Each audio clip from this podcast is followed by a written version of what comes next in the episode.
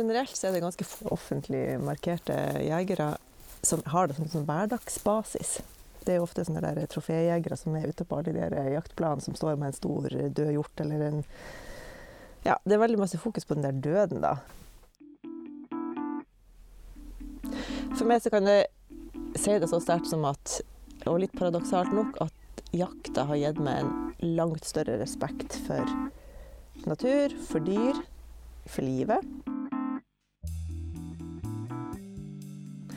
Jeg bruker jo å si at yndlingsjakta mi er multitrasking. Eh, ikke multitasking, men multitrasking. Og da går jeg liksom ut i områder der jeg vet det kan være litt av hvert. Det kan være både due og orrfugl og kanskje ender i ei lita vik eller på et tjern. Og det syns jeg er mest spennende. Men hvis jeg skal plukke ut én art, så er det kanskje orrfugl som er veldig interessant, for den skjønner ikke jeg helt.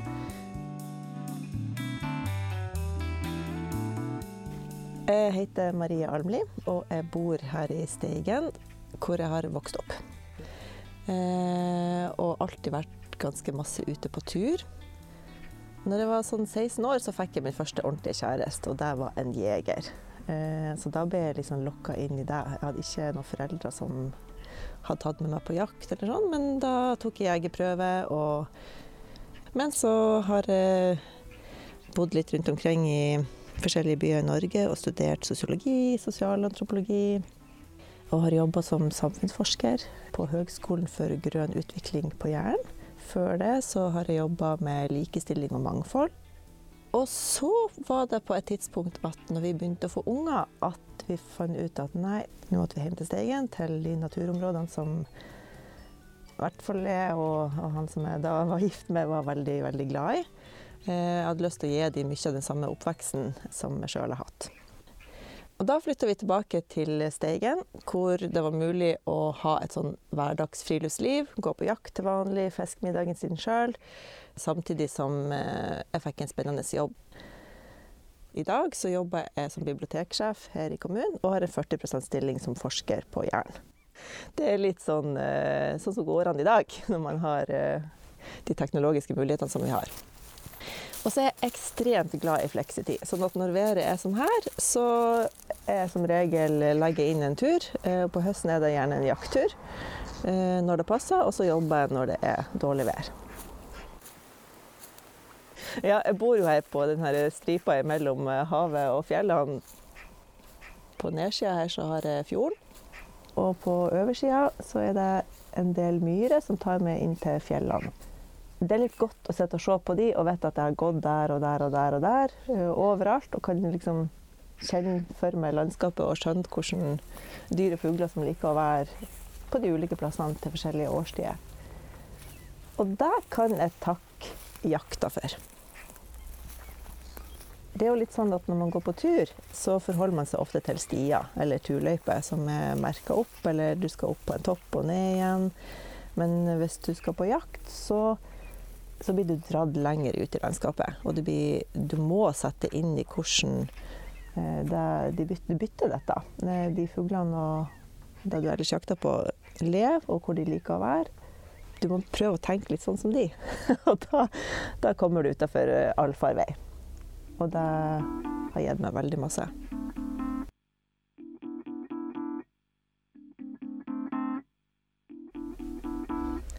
Jeg har dratt ungene mine med på jakt siden de var bitte små, så de har vokst opp med det her. Så de var ofte med på postjakt f.eks. På morgenen så satt vi og jakta duer. Eh, og så hvis det skjøt de, så sprang de fram og henta de. Og det har gitt oss veldig masse fine stunder i lag. Og de har fått en interesse for natur og skjønner veldig godt hvor maten kommer ifra. Og det har vært en verdi som jeg ønsker å gi dem. Ja, altså, jeg har jo vokst opp både med kyr og sauer.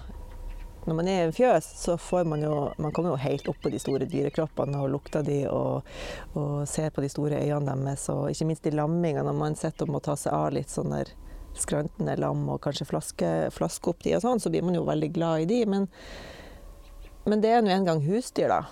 Hvis du sitter og studerer de, så ser du jo at de har sine hierarkier og sine sosiale systemer, men du ser jo det i langt større grad på ville dyr. Og den verden får du inngang i når du følger etter dyrene der ute. altså De ville dyrene er jo sånn sett mye mer interessante, og du får mer forståelse av hvor, hvor, rikt, eh, hvor rikt liv de òg har. Og det er fint. I dag så har jeg jo ender, eh, og jeg har ei katt. Og de husdyrene har jeg helt bevisst valgt fordi at de lever ganske fritt. Det har vært helt utenkelig å ha ender hvis jeg bare kunne ha de i et bitte lite gjerde, så de går fritt. De sprenger ned i osen rett nedfor huset mitt og bader. De har en dam der nede. Og sånn går de. De kommer frem og tilbake, og jeg kan høre og sitte og se og følge med hvordan de snakker med hverandre, og hvilke lyder de lager når de skal fortelle hverandre at 'oi, nå flyr havørna like over de', eller 'nå skal vi gå hit', og 'nå skal vi gå dit'. Og de er jo litt mer villere enn burhøns, eller Så det er et helt bevisst valg det indiske løpeender, faktisk. Så de kan ikke fly heller, det er veldig greit. Så de, de holder seg i området, men, men, de løper. De sprenger ganske langt sånn ned Det er vel kanskje, jeg vet ikke, 100 meter ned til havet, og de, de, det her området her, det bruker de. Når jeg var ungdom, så jakta jeg veldig bredt. Eh, og det er jo litt sånn at når man begynner å jakte, så er man interessert i å skyte noe og treffe noe da skyter man kanskje litt for masse, også av arter som man kanskje ikke spiser masse. Så jaktåret begynte egentlig begynt for meg da 10. august, for da begynte trostjakta. Så da var det liksom om å gjøre å komme seg ut og skyte ganske masse trost. Så går det slag i slag med Litt senere i august så begynner and- og gåsjakt, og så blir det rypejakt årfugljakt og skarvjakt i oktober og november. Sånn at det, det er alltid en sesong. Helt ut til i februar. Men med årene så, så, er det litt sånn at et liv er et liv, og det skal veldig mange troster til for å lage en hel middag til familien. Så jeg går ikke aktivt på trostjakt lenger. Det er mer sånn at det sitter en trost midt foran meg når det tilfeldigvis går med hagla, og jeg kanskje ikke har fått noe større bytte den dagen, så, så kan jeg skyte den. Eh, men det blir alltid spist, ja. De siste årene har jeg slutta å skyte sånn silender, f.eks. Sånn fiskeender, fordi jeg innser at de blir bestandig liggende lengst ned i fryseren, for de er ikke, de er ikke veldig gode. Sånn at jeg spiser de jo, men jeg er ikke så glad i de, så da lar jeg heller være. men stokkender er kjempegodt, og krikkender. Eh, og den, kanskje den mest sånn mataukjakta som vi gjør nå, det er skarvjakt på øyene rett utfor her. Eh, sånn at det foregår i oktober og november, og da det, tar vi båten ut der og setter oss og venter, for de kommer flygende inn på kvelden. Så setter vi på lur og skyter og plukker de opp, og da er det liksom én kilo kjøtt per fugl. Og det monner litt, så det maler vi opp her til kjøttet og kan lage skarvkjøttkake og ja. ja. Nå skal vi ned i kjelleren og se i fryseren. Jeg har tre frysere, da. Så det her er kjøttfryseren. Um, her har vi rådyr. Det er sånn typisk. Andebryst Ludvig. Det er sønnen min som er 15 som har skutt. Det gjorde han før han får på skole en dag i øst. Så hva mer som kan være litt artig oppi her? Det er en måte skarv. Skarven blir jo her har vi hare. Forpart 2016. Det er årgangshare. Alle dager er det her er det ei due. Ja. Sånn ser de når man pakker de sammen. Liksom. Egentlig så legges hodet inn under vingen. Det å ta hodet under vingen, det er litt sånn uh, fredfull Ja, det er litt sånn. Jeg vet ikke. Pakker liksom nesten som en ligger og sover, på en måte. Mm, det er litt sånn å kneppe hendene på Ja, nesten på, på lik, på en ja. måte. Her er den skutt akkurat der i brystet.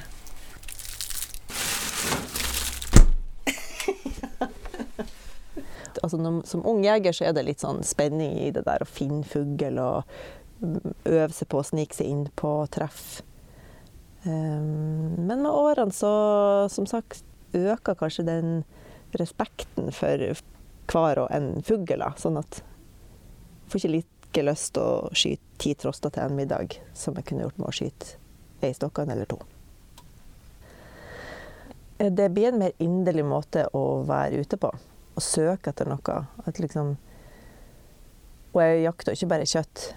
Sankeåret, fangståret, er jo mye større enn som så. Så det begynner jo med at blikket saumfar grunn for bær allerede i juli og molte. Og så det er blåbær og tyttebær og sopp. Og så går liksom skanneblikket litt høyere, og så ser du etter alle fuglene. Og den måten å være på tur i syns jeg gir meg mye mer enn bare å gå på måfå eller, eller høste et Instagram-bilde på toppen av et fjell. Eh, det er veldig vanskelig på høsten å gå på tur uten den hagla. Det kunne jo skje at det kom en veldig interessant situasjon. Når det er sagt, det er ikke alltid at jeg har trykt av heller, selv når jeg har hagla og har vært på jakt. Eh, det har jo vært eh, tilfeller hvor altså Noen ganger så, så rekker kanskje ikke å, å hive opp hagla, for at det skjer så fort, og situasjonen blir så ja, den går så fort over. Men andre ganger er det sånn at kanskje har jeg sittet og sett på en rev som lå og sola seg, eller ei rype som satt og var så fin, og så Nei, det fikk være med deg i dag. Det var, liksom, det var, det var fint nok i seg sjøl.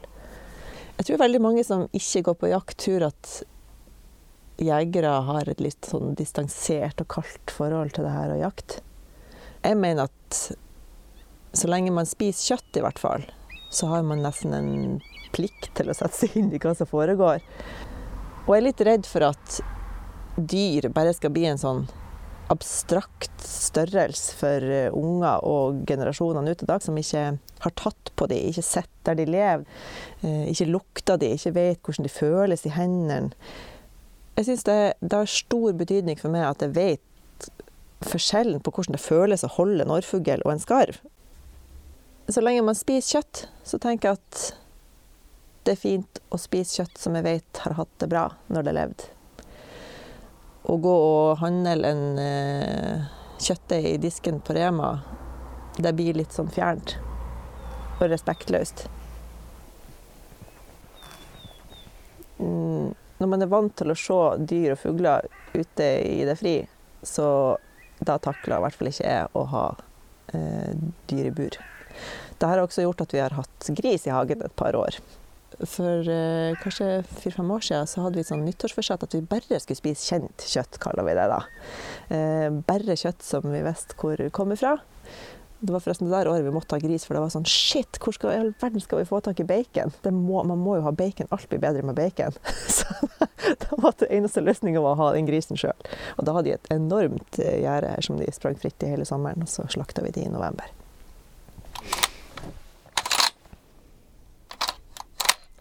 For meg så er det en veldig god lyd. det betyr at uh, nå skal jeg på jakt.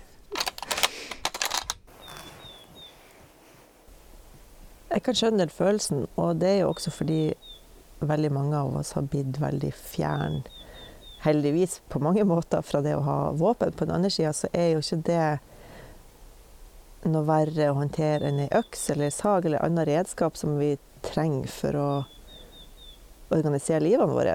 Eh, være litt sjølberga. Eh, så det handler jo om at du tidlig må Og jeg sier tidlig fordi at jeg tenker at for å bli en sånn skikkelig skikkelig jeger, så må du nesten begynne tidlig. Få det tidlig inn i livet ditt.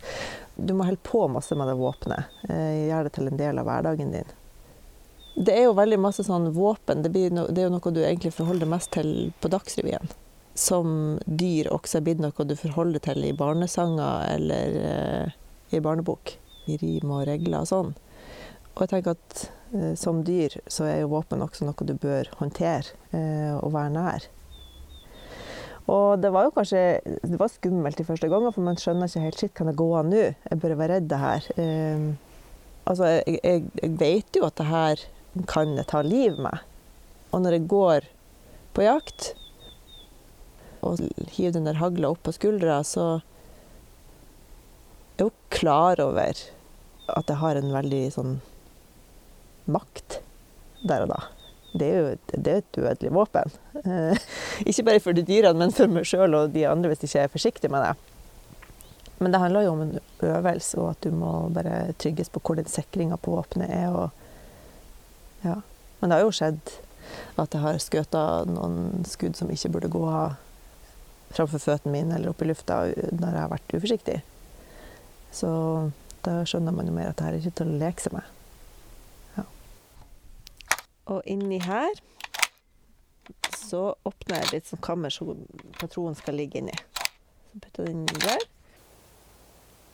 Jeg bryr meg ikke så mye om våpen og merker og alt sånt heller, men eh, jeg må jo være i stand til å sette sammen sjøl og smøre liksom eh, sikringa av, altså sånn at ting går og glir greit, sånn at ikke den eh, hekter seg opp. Sånn at jeg ikke får, får den av i situasjonen, eller i, eh, like viktig sikringa på igjen. Jeg har jo tre unger, eh, og alle de har skutt sine første dyr. Og de har øva med våpen ganske mange ganger før de ble tatt med i en reell jaktesituasjon. Så de ble trygga på det med å skyte på blink.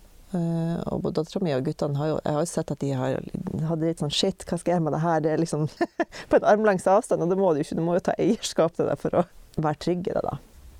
Eh, det var litt artig. Vi hadde en sånn situasjon i høst med dattera mi, så gikk jeg i lag med henne. Da gikk vi og så etter rype høyt oppe på fjellet. Eh, og så så ikke hun at det satt ei rype bare sånn ti meter unna henne. Jeg, Selma, se der, der er sett hest, ei rype.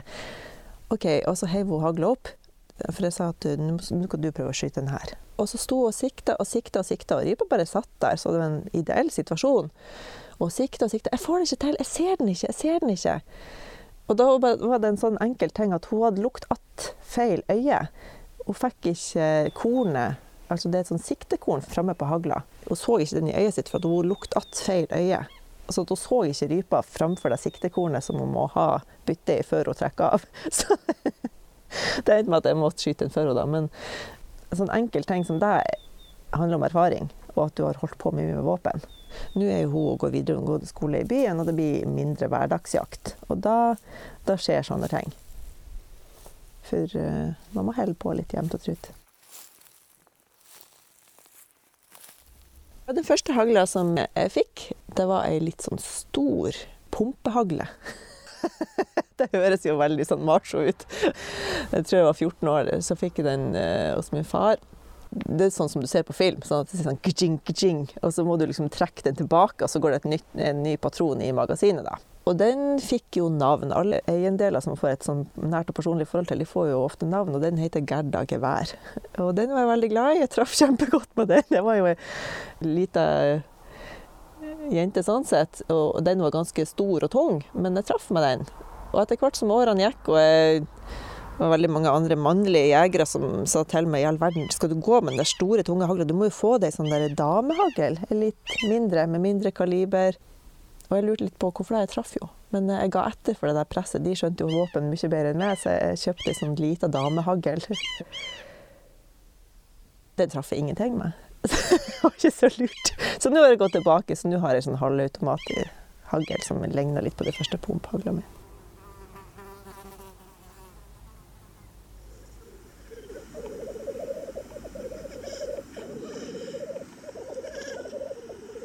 Av hønsefuglene så er det jo fjellrype og lirype og orrfugl her som, som jeg jakter på. Og orrfuglen den er veldig spennende, altså, for den er så uforutsigbar. Jeg lærer meg aldri helt eh, Lærer meg ikke den. Og, det er fascinerende. Og så kan den sitte helt ned på holmer og skjær og, og helt oppe i fjellet. Den er utfordrende, og det, det, det liker jeg. Den er ikke sånn enkel. Orrfuglen følger mer året rundt enn de andre artene, for den, den spiller jo på våren. Den har jo sånn leik. Sånn som nå om kveldene og morgenene så kan jeg høre orrfuglen sitte oppi lien og spille.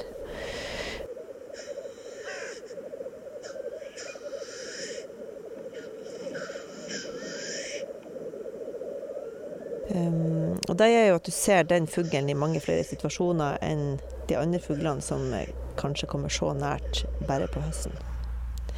Og det er veldig fint. Og jeg hadde en bestefar som når jeg var lita hadde meg på fanget og fortalte om orrfugljakt, spilljakt, for da, da var det lov å jakte på våren. Da snek de seg innpå de orrfuglene som satt og spilla og skjøt i. Det har vi ikke lov til i dag. De, vi kan bare jakte på, på, eh, på høsten.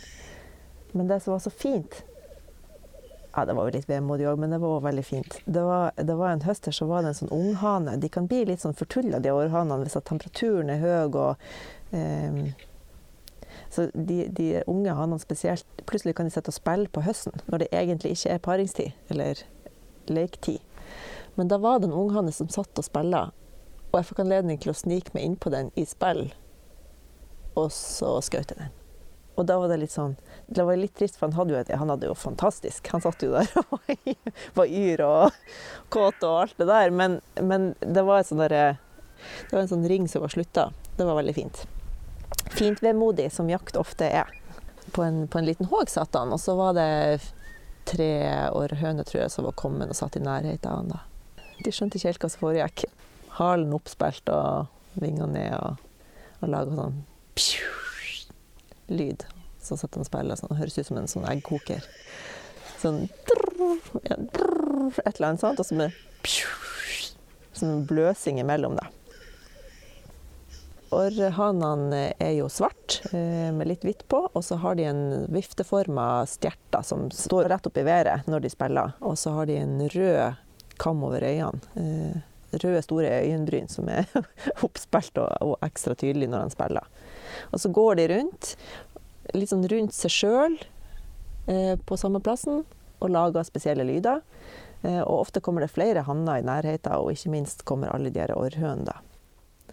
Når jeg var ungdom, så husker jeg at det var veldig mange orrfugler på én plass. Men de siste årene så har det blitt så mer sånn at de sitter sånn én og én på hver sin håg. Så noe har skjedd. Jeg ble tatt med av en onkel på orrspill når jeg var tenåring og tidlig, tidlig ungdom, da. Og da da var det mange. Det kunne være sånn sju-åtte orrhaner på en og samme plassen. Og jeg tror ikke det er blitt så masse mindre orrfugl. Det går jo litt i bølger, sånn som alle arter gjør. Men eh, noe har skjedd. For, for meg så handler jo den jakta òg om å jakte på arter som jeg ser at det er nok av.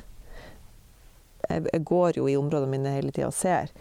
Sånn som på fjellet her bak meg, som det var ganske masse ryper når jeg var, begynte å jakte. Der kan jeg se bare sånn to-tre ryper på en fjelltur nå, og da, da går jeg ikke på jakt der. Da, da, blir det mer jakt på andre arter. Skarv og ender og orrfugler som det er mye mer av. Duer. Eh, jakta handler jo også vel så masse om å bli glad i landskapet som man går i. Eh, altså det er en totalpakke. Det, du blir glad i og fascinert av de dyrene, kan følge med bestandene. Jeg føler at du nesten du må nesten gjøre alt det der for å være berettiga og kan ta ut dyr, på en måte. Jeg har et sånt område i noen, noen oser, noen sånne ned som stikker ut i havet. Og der kan orrfuglen sitte helt nede på bergene nesten. Altså, og jeg vet ikke, ser kanskje utover havet, eller uh, han kan sitte og spille der, eller når det er vår, da. Men han kan også sitte der om høsten. Og det er jo et veldig fint område å jakte i. Så han sitter uh, helt nede i fjæra og, og i granskogen og oppe i aspeskogen er han veldig glad i. Uh, han kan sitte på Hågan og helt oppunder skoggrensa på fjellet. Årfugl er litt sånn lys. Um, smaker som rype, men litt mildere, på en måte. Ikke så markant viltsmak på. Så litt lysere i kjøttet. Uh, rype har en helt særegen smak. Det er veldig godt, det også. Men det er en, det man vil kalle en typisk viltsmak. Jeg vet ikke hva det, det handler sikkert om hva den spiser. Nå tror vi hører en orrfugl som spiller. var veldig langt unna. De holder på sånn av og på, så nettopp satt han var i den trøkkokerfasen sin. Den eggkokerfasen. sånn boblelyd. Altså, det er det som er så fint med dyr, at de er ikke så klokkestyrt. De holder på eh, når temperaturen er der og lyset er der, ikke minst. Sånn at på morgenen og på kvelden sitter de veldig ofte.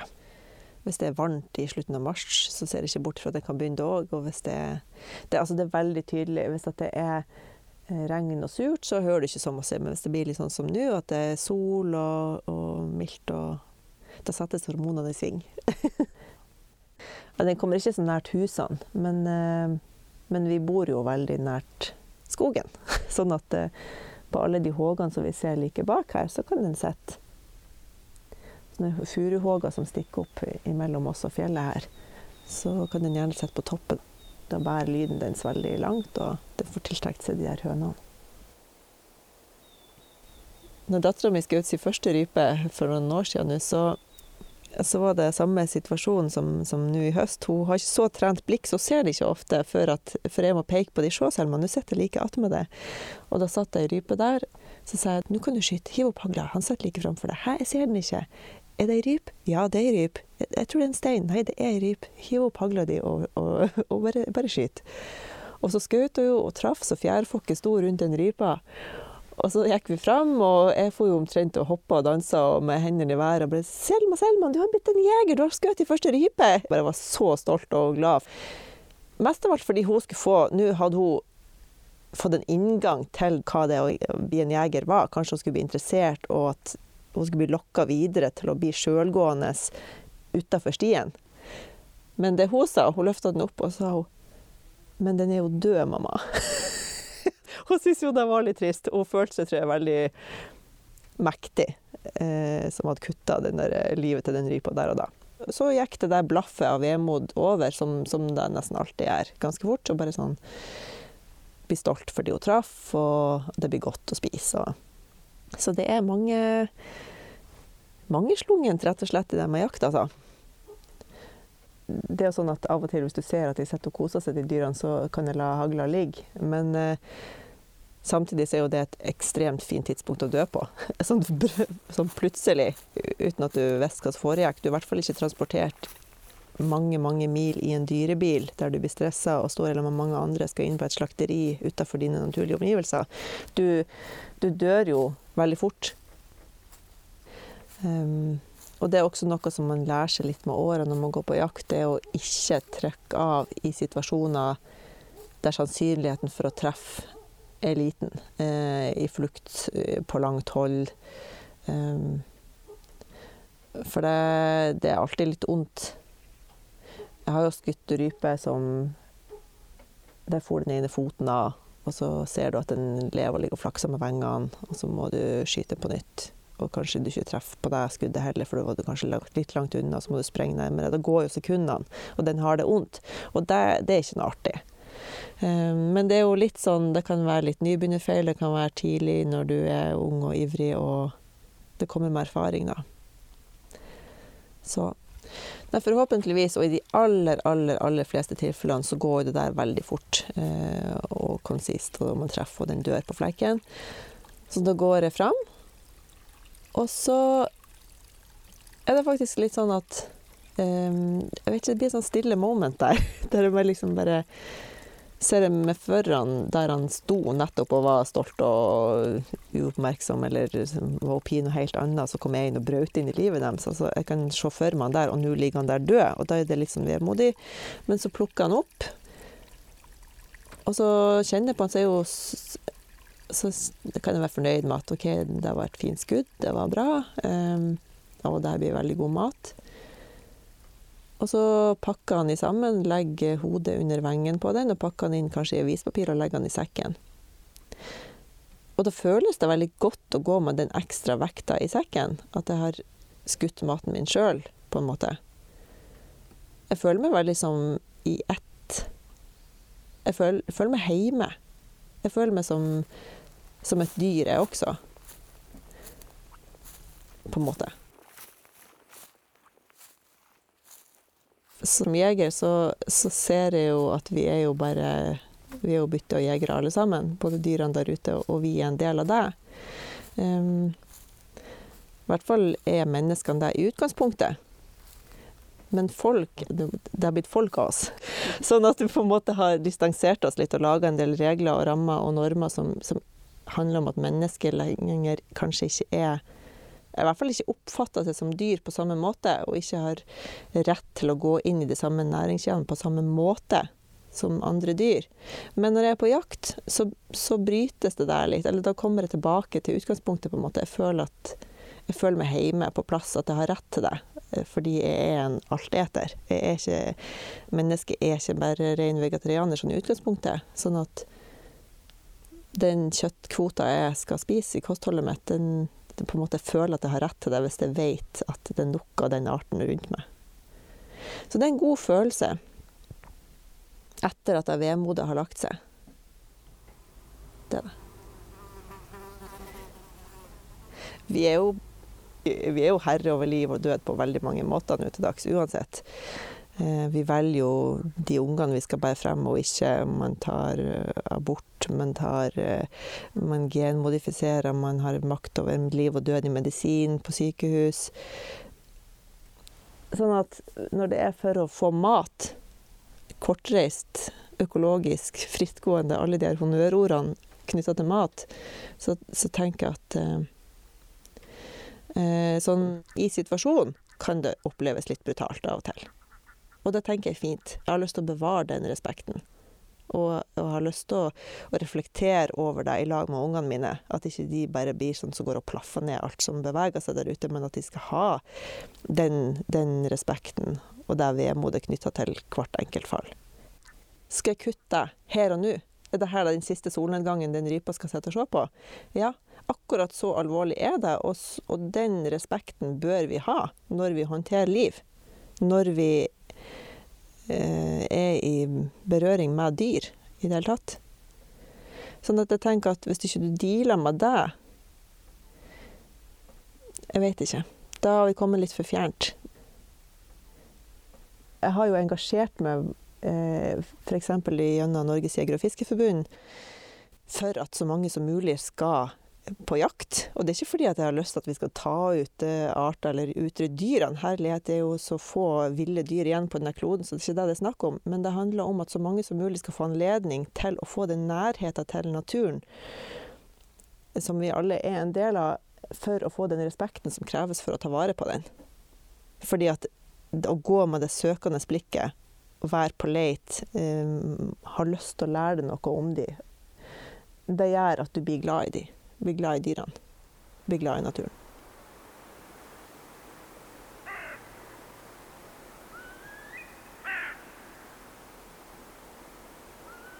Jeg går jo på jakt for å være alene. Det er liksom noe man kan søkke inn i sin egen meditative, jeg skal si, mindful, for å si det med moderne ord, fokus.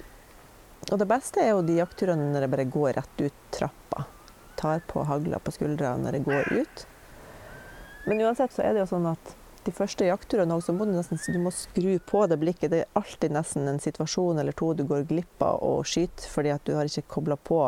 Fremdeles går jeg kanskje og ser etter blåbær fordi at jeg akkurat drev og plukka bær eller sopp, sånn at blikket mitt er festa for masse i bakken til at jeg får med meg de fuglene som rører seg lenger bort eller som letter. Men så kommer det jo mer og mer inn i det moduset utover uh, høsten.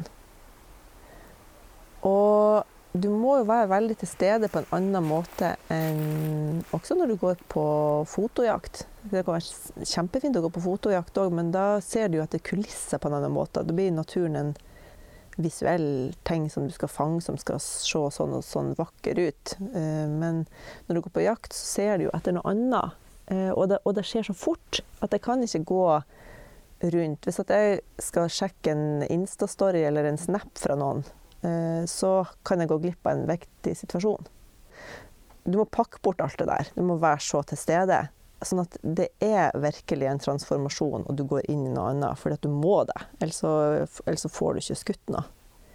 Så jeg tror hvis flere har gått på jakt, så hadde de, liksom, de kunne skippe en del yoga- og meditasjonstimer fordi at du må være så ekstremt til stede.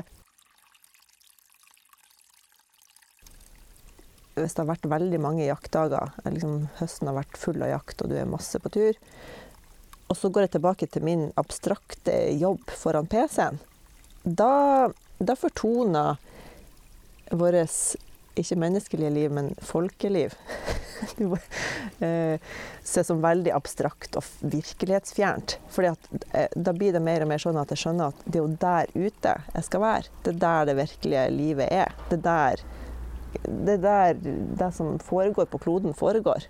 Og hva er det vi driver på med foran de PC-ene våre? Sitter i ro hele dagen og produserer masse papirer og ting som egentlig ingen har bruk for.